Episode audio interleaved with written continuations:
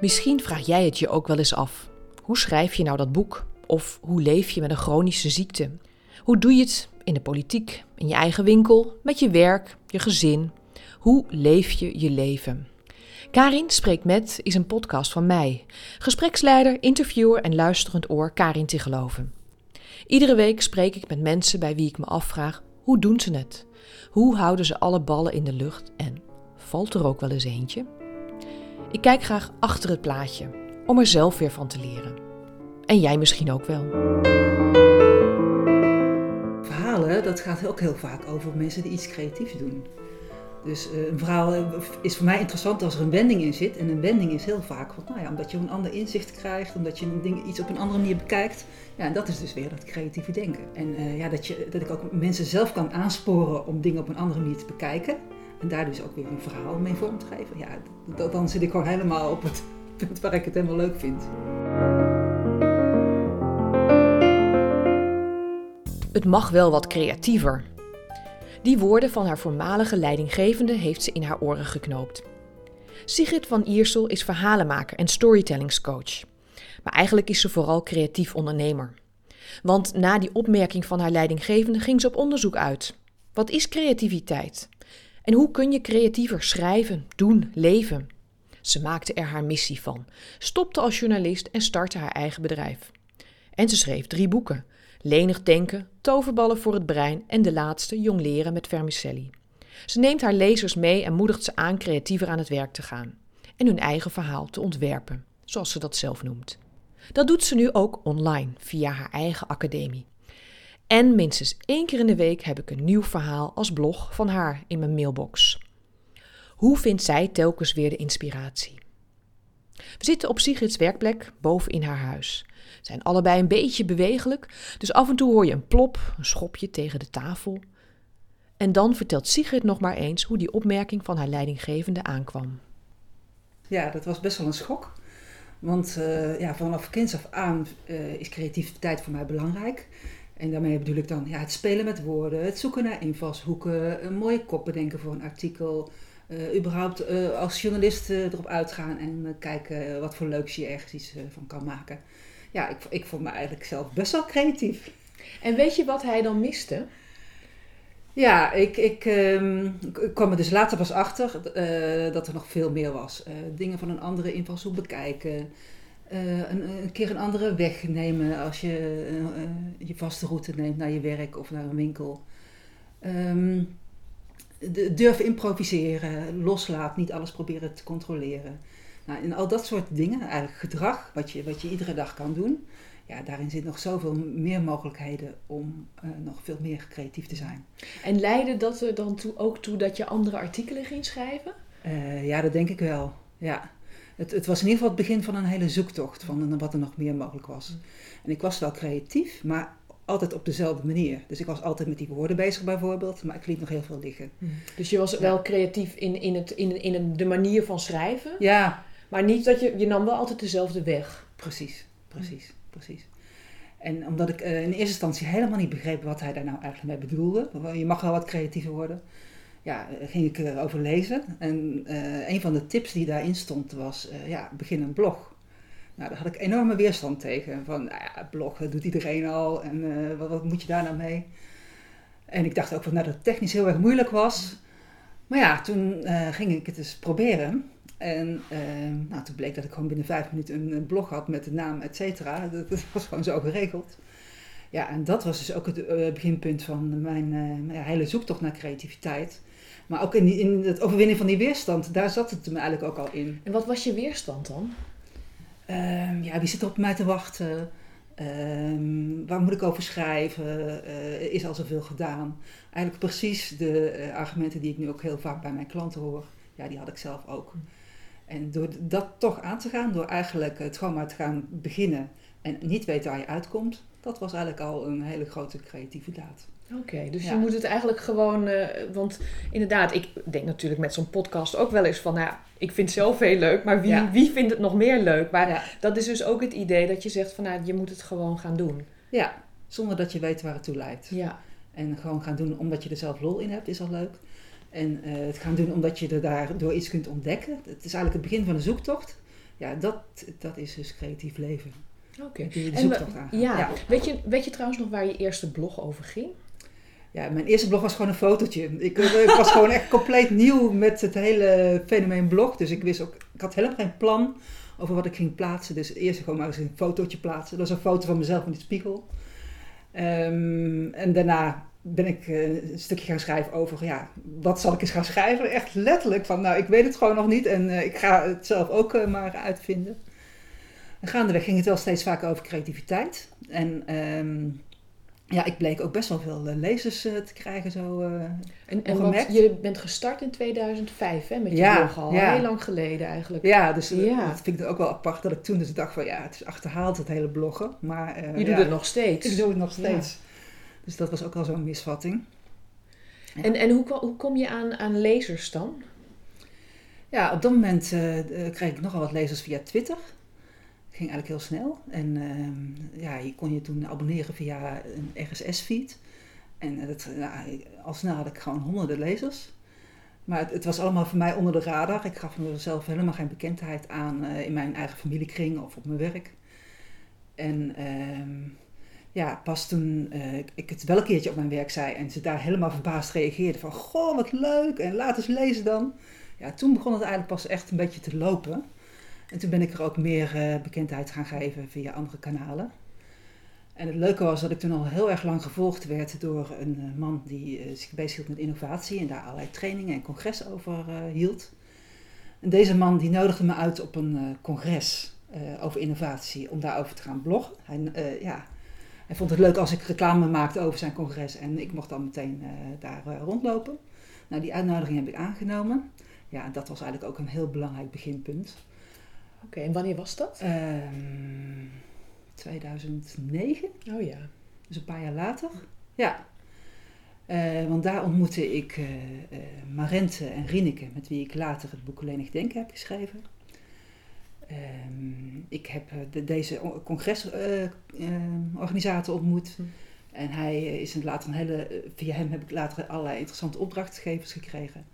Ja, en het was ook eigenlijk de sprong die ik durfde wagen om ehm, mijn baan op te zeggen en eh, voor mezelf te beginnen. Ja, want dat ben je allemaal in 2009 gaan doen. Ja, Ja. ja.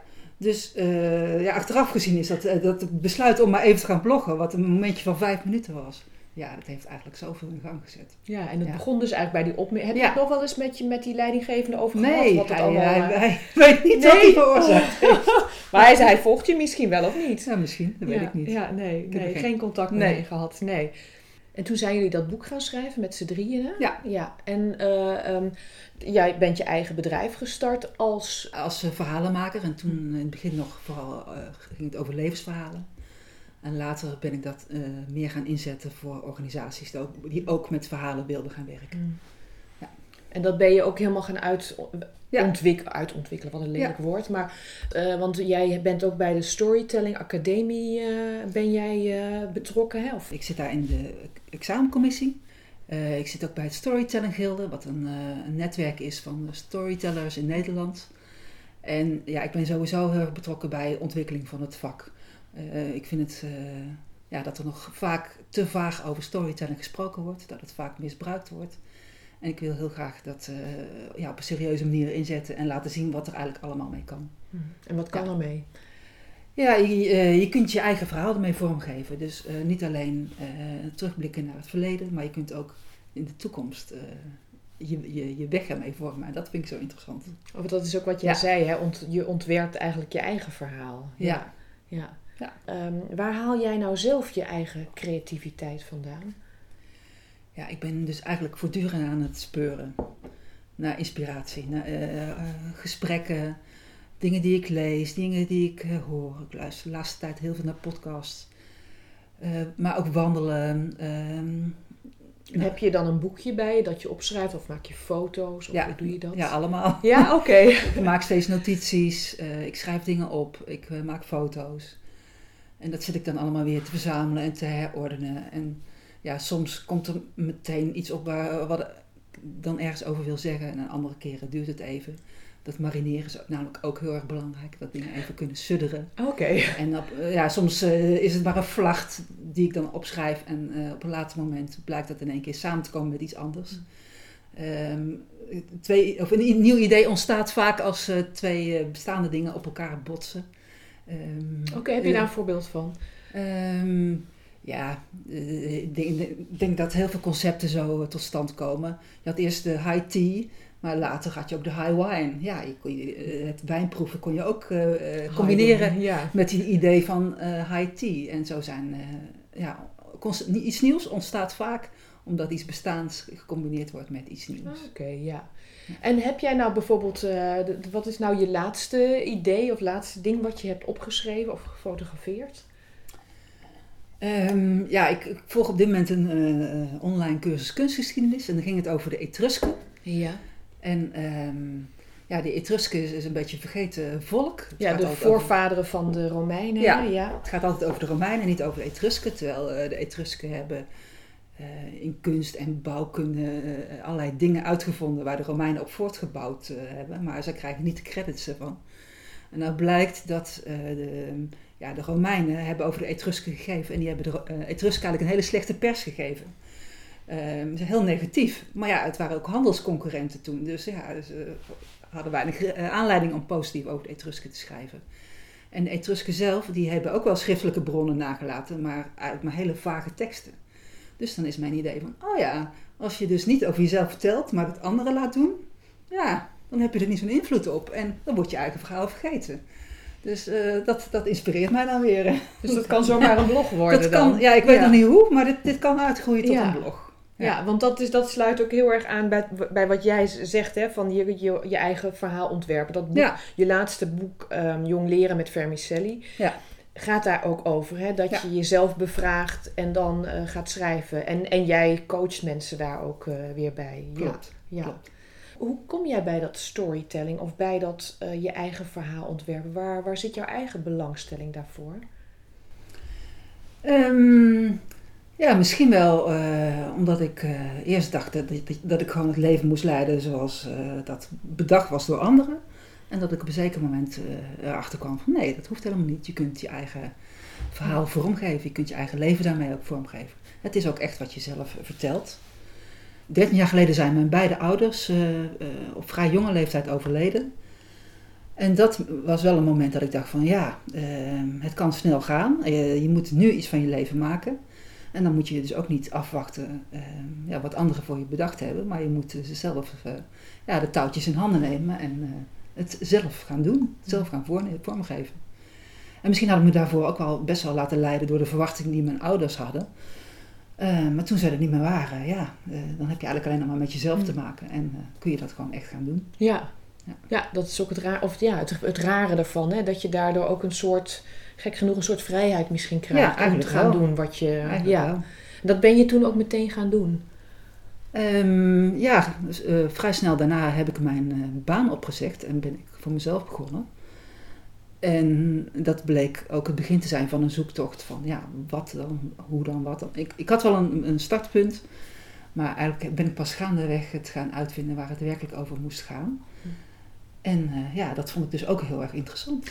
En dat startpunt, was dat dan het overlijden van je ouders? Of was dat dat, dat verhaal van die, van die leidinggevende? Of wat, Ja, wat het- is het- voor jou? Ja. Het kwam allemaal een beetje samen. Dus, dus na het overlijden van mijn ouders had ik wel... Nou, ik ben eerst al bezig geweest om hun verhaal op te schrijven, omdat dat voor mij toen ook een verwerking was. En toen het een beetje zo achter de rug was, voelde ik de ruimte om mijn eigen stap te zetten. Er kwam ook nog een bekende naar mij toe die eh, vroeg of ik haar levensverhaal op wilde tekenen. Nou, ik was net bezig geweest met het verhaal van mijn ouders en toen deze vrouw dat aan mij vroeg, toen kreeg ik ook zo'n klik in mijn hoofd van, oh wauw, dit kan ik dus ook als werk gaan doen. En er is vraag naar. En dat, daarmee kan ik iets voor anderen betekenen. Nou ja, dat, dat bracht zoveel in mij eh, op gang. Dat ik eigenlijk eh, toen in drie weken tijd besluit heb genomen om eh, voor mezelf te beginnen. Ja, dat was wel een heel, eh, heel belangrijk moment. Ja, En Dat, dat staat je ook nog. Ik zie het aan, dat Ja. staat je nog voor de geest heel Ja, klopt. Ja, dat- ja, dat- kan je- ja. Dat je zo in een ogenblik kan weten van, oh ja, dat is de richting die ik op Mm. wil. Ja. Zij zei toen nog tegen mij van, ja, denk er maar even rustig over na of je dit echt wil. Maar ik wist het gewoon meteen al. Van, oh ja, En hoe weet je dat? Hoe weet je dat zo Ja, sterk? dat was dus echt het gevoel van binnen. Echt, eh, Mm. ik voelde me echt helemaal aangeraakt. Ja. En, weet je waardoor je werd aangeraakt? Ehm, ja, dat zij het in mij zag, dat ik dit kon. En ehm, ja, de, de mogelijkheden die ik in één keer zag. De, de ruimte die ik in één keer voelde. Van, het was wel echt alsof mijn wereldbeeld openbrak. Ja, zo'n zo, zo'n flits van inzicht. Van, oh, er is nog veel meer mogelijk. Ja. En als je nou even naar jouw eigen métier eigenlijk, van, van storytelling, verhalen. Verhalen hebben altijd een beginsituatie hè, en dan, dan gaat er iemand gaat iets doen en dan komen ze moeilijkheden tegen en die worden overwonnen en het, eh, ze leven nog lang en gelukkig. Nou, dat is een sprookje, maar in, Ja. in een verhaal zit een lijn hè, en dan moeten ook wat moeilijke dingen. Dus jij, jij had dat, dat inzicht.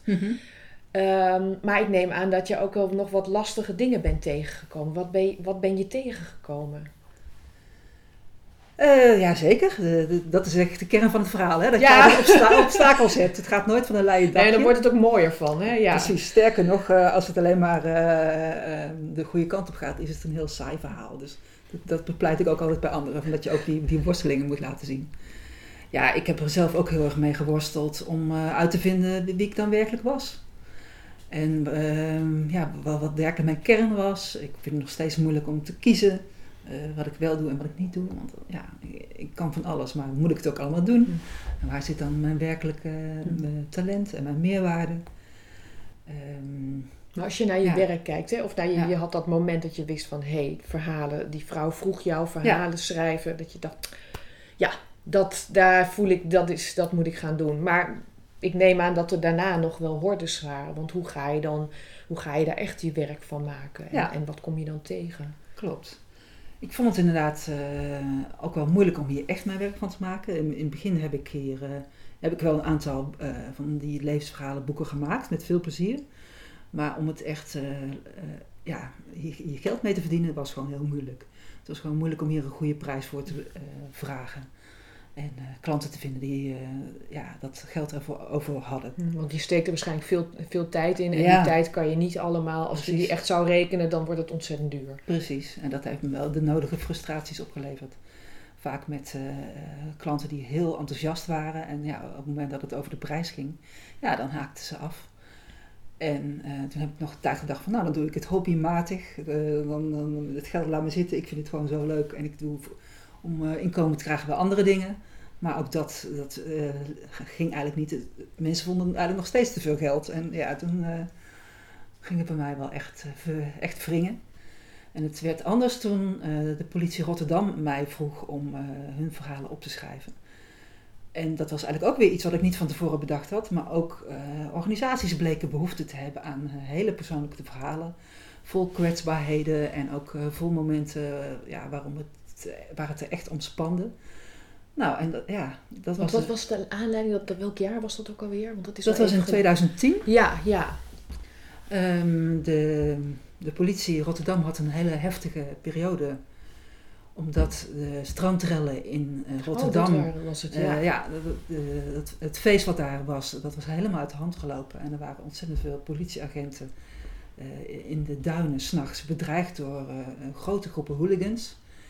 Eh, deze agenten hadden echt in doodsnood gezeten. Ehm, de politie werd ook heel erg belaagd door eh, de politiek en eh, nou, de hele wereld om hun heen. Omdat zij heel veel fout hadden gedaan die nacht, waardoor het zo uit de hand had kunnen lopen. Maar de politie wilde tegelijkertijd ook laten zien van ja, wat die agenten hadden meegemaakt en wat het in de organisatie zelf betekende. Want het was echt een collectief trauma wat hierdoor ontstaan was. Het is ook een soort verwerking eigenlijk Ja, voor hun. Ja. Ja, en zij, eh, vroegen aan mij ja, of ik eh, de levensverhalen van deze agenten kon opschrijven. Het bleek niet echt levensverhalen te zijn, maar meer eh, wat er in die nacht gebeurd was. Maar ze waren in ieder geval op zoek naar een vorm om dat persoonlijke verhaal van die agenten te delen. Dus dat was eigenlijk de volgende stap in, in mijn zoektocht hoe storytelling kon gaan werken. Op dat moment kwam ik eigenlijk ook pas voor het eerst in aanraking met het woord storytelling. Dat wat ik deed, dat dat die naam had. En dat daar ook nog een hele wereld achter ging. Eh, in Amerika waren ze daar toen al volop mee bezig. En hier in Nederland wisten we er toen nog niet zoveel van. Dus uh, dat kwam toen samen. Dit bleek een ding te zijn wat je kon gaan doen voor je vak. En uh, ja, voor mij kwamen, kwamen toen heel veel lijntjes samen. Hm. Het grappige is, want ik weet dat jij met dat boek bezig was. Want toen zaten we samen op diezelfde werkplek. In Leiden was dat toen. En dat ik toen al het beeld had, had van, nou Sigrid, die weet alles van storytelling. Voor mij was jij al een soort autoriteit op dat gebied. En nu vertel jij eigenlijk dat dit een beetje het begin was. Ja, klopt. Ja, klopt. Ik, ik was wel met verhalen bezig, maar ik wist niet dat het uh, een vak was en dat het storytelling heette. Ja. Oh, leuk, ja. Ja, ik kan me nog goed herinneren dat uh, een vriend van mij bij de Baak was geweest en die had daar een cursus storytelling gedaan omdat hij uh, als leidinggevende verder wilde komen. Nou, ik wist echt niet wat ik hoorde. Dat, dat je verhalen kon gebruiken om in, ja, als leidinggevende je je te ontwikkelen. Geweldig. Ja. ja. Hoe simpel eigenlijk, hè? Ja, ik dacht namelijk, ja, verhaaltjes zijn leuk, maar die zijn niet uh, om iets, ja, iets echt mee te bereiken. Maar dat bleek dus wel te ja, ja, ja. Dus toen heb je dat boek voor de politie Rotterdam gedaan en daar, daar is het mee gaan lopen? Ook. Ja, klopt. Ja, ja want uh, nou, het was dus belangrijk voor de verwerking, maar het had nog zoveel andere doelen die er ook in zaten. Het, het, het uh, uh, ja, de emotionele kant, dat daar ruimte aan werd gegeven, dat uh, deed voor deze agenten superveel. En vervolgens bleken ook andere organisaties interesse te hebben, juist in het, ja, het delen van dit soort verhalen. ja, vaak na een crisis, dus daar, daar heb ik die, daarna diverse keren gedaan, om na een crisis te helpen om ja, het verhaal weer te vertellen. Uit te halen wat erin zit aan leerervaringen en dat weer uit te dragen. Mooi. En inmiddels kun je leven van je bedrijf. Ja, nou eigenlijk eh, sinds uh, die opdracht voor de politie uh, kon ik echt met storytelling mijn werk gaan verdienen. Ja. ja. ja. En hoe was dat nu dit jaar? Want nu natuurlijk allerlei dingen zijn stopgezet door al die maatregelen. hoe was dat voor jou? Ja, um, het liep wel anders dan gedacht. Um, in het begin overigens niet. Toen gingen mijn opdrachten gewoon door, maar dan online. En dat kon ook prima, omdat ik interviews doe. En, uh, ja, ja, dat kan je ook, kan online, online, natuurlijk. Ja. ja. ja. Maar op een gegeven moment uh, viel het toch stil. En um, nu was ik al langer van plan om een online academie op te richten. voor creatief denken en voor storytelling. Alleen ja, die had ik allemaal laten liggen. Andere opdrachten gingen steeds voor. Maar toen ik in mei hier op deze kamer zat en dacht van ja, wat zal ik nu eens gaan doen? Ja, toen lag het heel erg voor de hand om dat project weer op te pakken. Ik had die online omgeving al aangeschaft en uh, ja, ik moest hem gewoon uh, gaan vullen en het in de wereld gaan zetten. Nou, dat kreeg meteen eigenlijk een vliegende start, want ja, mensen zaten daar op dat moment ook echt op te wachten. Op, op iets wat, wat uh, ja, verlichting gaf in ja, die hele rare begintijd van die eerste lockdown. Ja, want iedereen zat natuurlijk thuis, dus je had ook tijd om weer eens wat jezelf te scholen en dan Klopt. online. Ja, ja. ja en de eerste ehm, lessen die ik aanbood, het ging over creatief denken. Ja, dat was net waar mensen naar op zoek waren om op een andere manier uh, te kijken en weer lucht te krijgen. En ook los te komen van angsten en ja, weer nieuwe perspectieven te krijgen. Mm. Dus je bent nu ook echt, want dat wilde je eigenlijk nooit, hè, een soort trainer zijn, maar nee. dat ben je nou toch wel? Ja, klopt. ja. Daar, daar, heb ik me heel lang tegen verzet. Ik, ik zag me altijd als de schrijver en dat uh, laat ik ook zeker niet los, want uh, ja, dat hoort ook heel erg bij me. Maar uh, iets aan andere mensen overdragen is ook heel erg leuk. En zeker als, je, als ik zie dat echt de kwartjes vallen bij iemand en iemand echt ja, de kansen en de mogelijkheden ziet die hij voorheen niet zag, ja, dan, word ik echt heel erg blij. Ja. Als, je, als je dan nu kijkt naar de Sigrid van, van toen je nog ehm, zelf schreef voor de krant en nu, wat, wat, um, wat is dan het grootste verschil tussen toen en nu? Ik was uh, als journalist uh, iemand die er buiten stond. Iemand die observeerde, die beschreef uh, wat er gebeurde, analyses maakte, maar echt van buitenaf. En nu zit ik erin. Ja, nu ben ik deelnemer. Het is voor mij nu echt inspireren, zelf, zelf inspireren en andere inspiratie doorgeven. Dus ja, ik, ik zit er middenin. Ja, en je voegt zelf wat meer toe. Ja. Eigenlijk. Ja. ja. ja. Ja, Sigrid staat niet meer aan de zijlijn, maar ze geeft je wat mee. Hoe doet ze dat? Hoe helpt ze mensen met het ontwerpen van hun verhaal, zoals zij dat noemt? Ja, ik zie het eigenlijk als een zoektocht naar eh, de ingrediënten van het verhaal. Losse elementen die uh, ja, je op verschillende manieren bij elkaar brengt. En daar uh, dan weer een rode lijn in, ontdekken. Je werkt ook met van die kaartjes en zo, Ja. hè? Ja. Dat, Ja, ehm, associatiekaarten, Ja, ja. Eh, vra- kaarten met vragen. En het zijn eigenlijk allemaal manieren om eh, dingen naar boven te halen die je niet meer zo bewust eh, was, eh, die je misschien vergeten was. En die misschien ook op het eerste gezicht niet zoveel met elkaar te maken hebben. Maar eh, ja, dan eh, al gaandeweg ontstaat er toch een soort eh, beeld waarbij eh, puzzelstukjes in elkaar vallen. En dat die, dan blijkt die rode draad er wel degelijk te zijn. En is Ja. het dan, want jij zegt eigenlijk van ik, je ontwerpt een verhaal, of is het het verhaal wat er al is, wat je dan boven water krijgt? Ja, ik denk wel dat je verschillende verhalen kunt schrijven over iemand. Dus het is ook maar hoe, hoe je, wat je eruit haalt. Ehm, ja, ik probeer er in ieder geval een geheel van te maken. Dat het klopt, dat het, dat het samenhangt. Dat, En, dat is dan het ontwerp. ja, en dat ja. diegene daar dan ook iets mee kan. Of En dat dat hij misschien beter ziet daardoor. En dat hij, Ja. precies, dat iemand het herkent. Ja. Ja, het moet wel echt bij iemand passen. Ik kan wel iets zien eh, wat iemand anders helemaal niet zo ziet. En dan, eh, nou, dan klopt het niet. Ja, en het zit hem ook in, in het vinden van de juiste woorden. Eh, ik merk vaak dat mensen dat heel erg lastig onderdeel vinden om de juiste woorden te vinden over zichzelf of over wat ze precies doen. En ja, omdat ik er van meer afstand naar kijk, eh, kan ik die woorden soms wel vinden. En toch kan het daar ook helemaal door mislopen. Ik had eh, een tijdje geleden twee mensen die in de zorg werkten.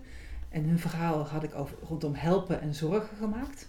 En toen bleek dat ze daar ontzettend allergisch voor waren, voor het woord helpen en zorgen. En de, ja, de eh, plank heb ik daar volledig mee misgeslagen.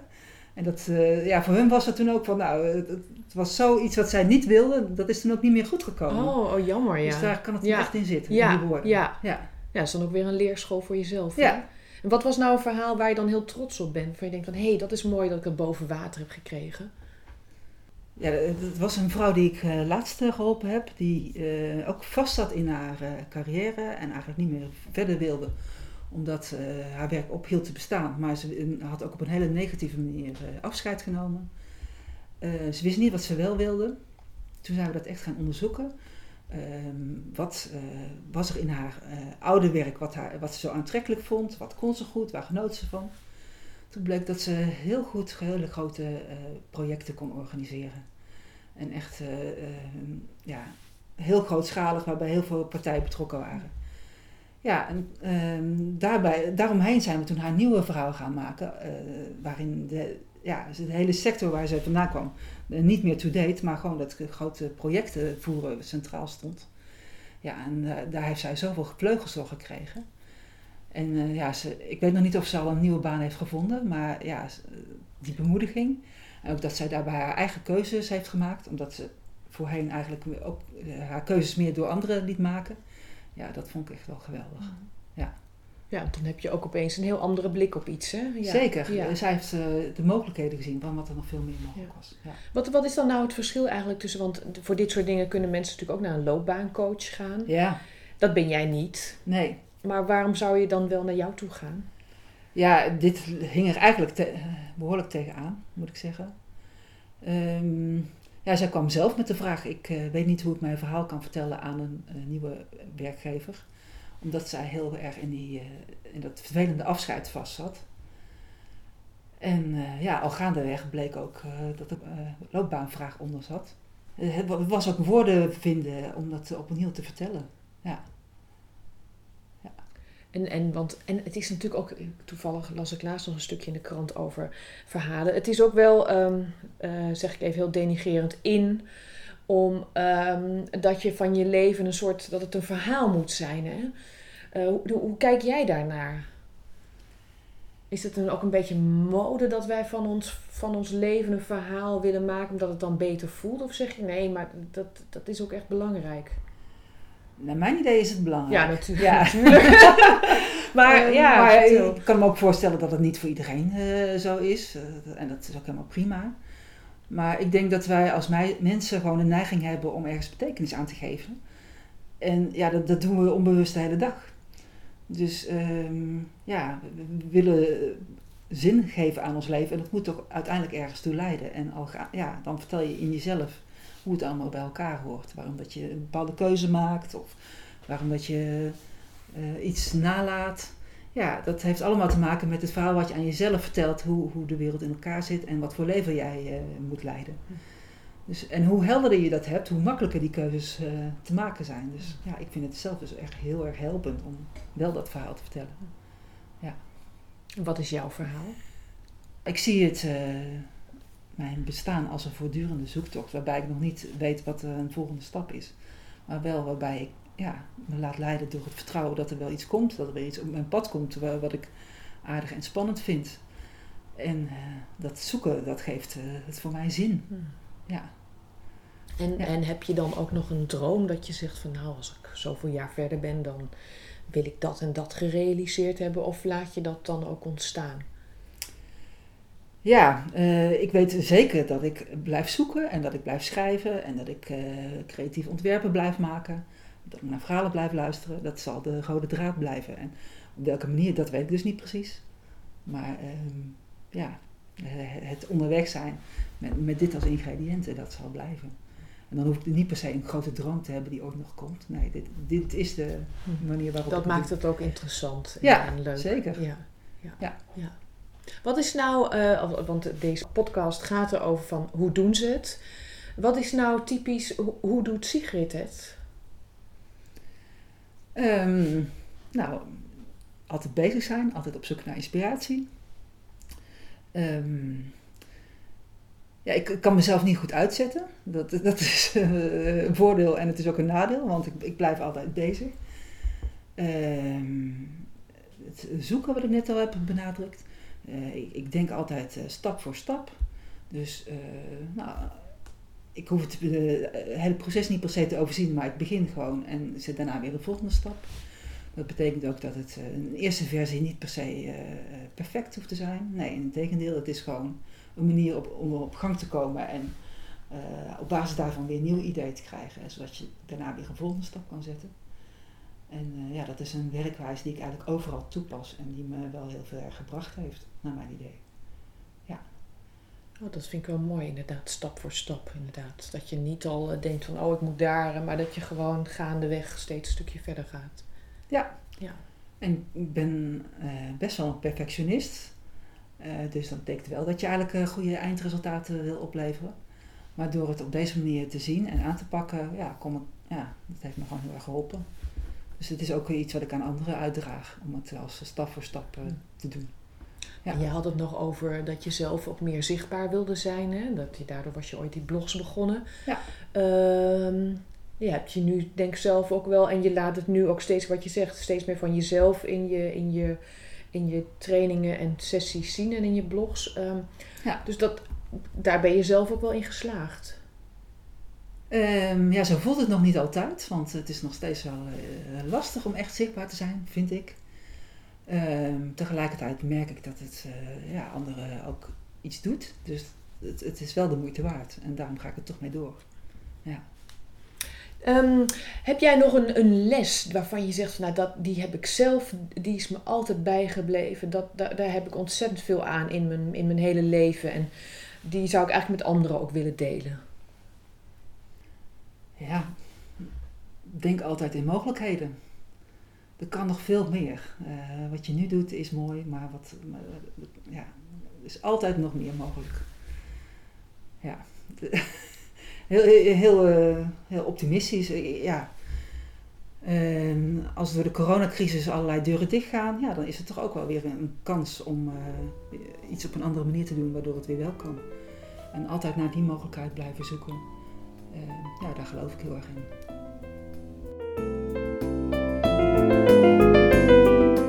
Dank Sigrid.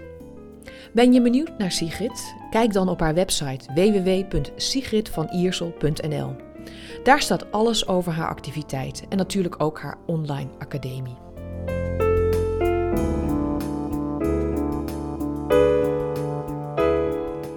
Karin Spreekt Met is mijn podcast. En ik ben gespreksleider, interviewer en luisterend oor Karin Tigeloven. De muziek onder deze podcast is een eigen compositie van buurman Henny Westerwaal. Met dank aan zijn vrouw Connie, want Henny is niet meer, maar zijn muziek gelukkig nog wel. Vind je de podcast leuk, mooi, interessant? Abonneer je dan en geef sterren. En heb je zelf ideeën of tips? Mail ze naar contact.karintigeloven.nl Karin met een C. Tot volgende week.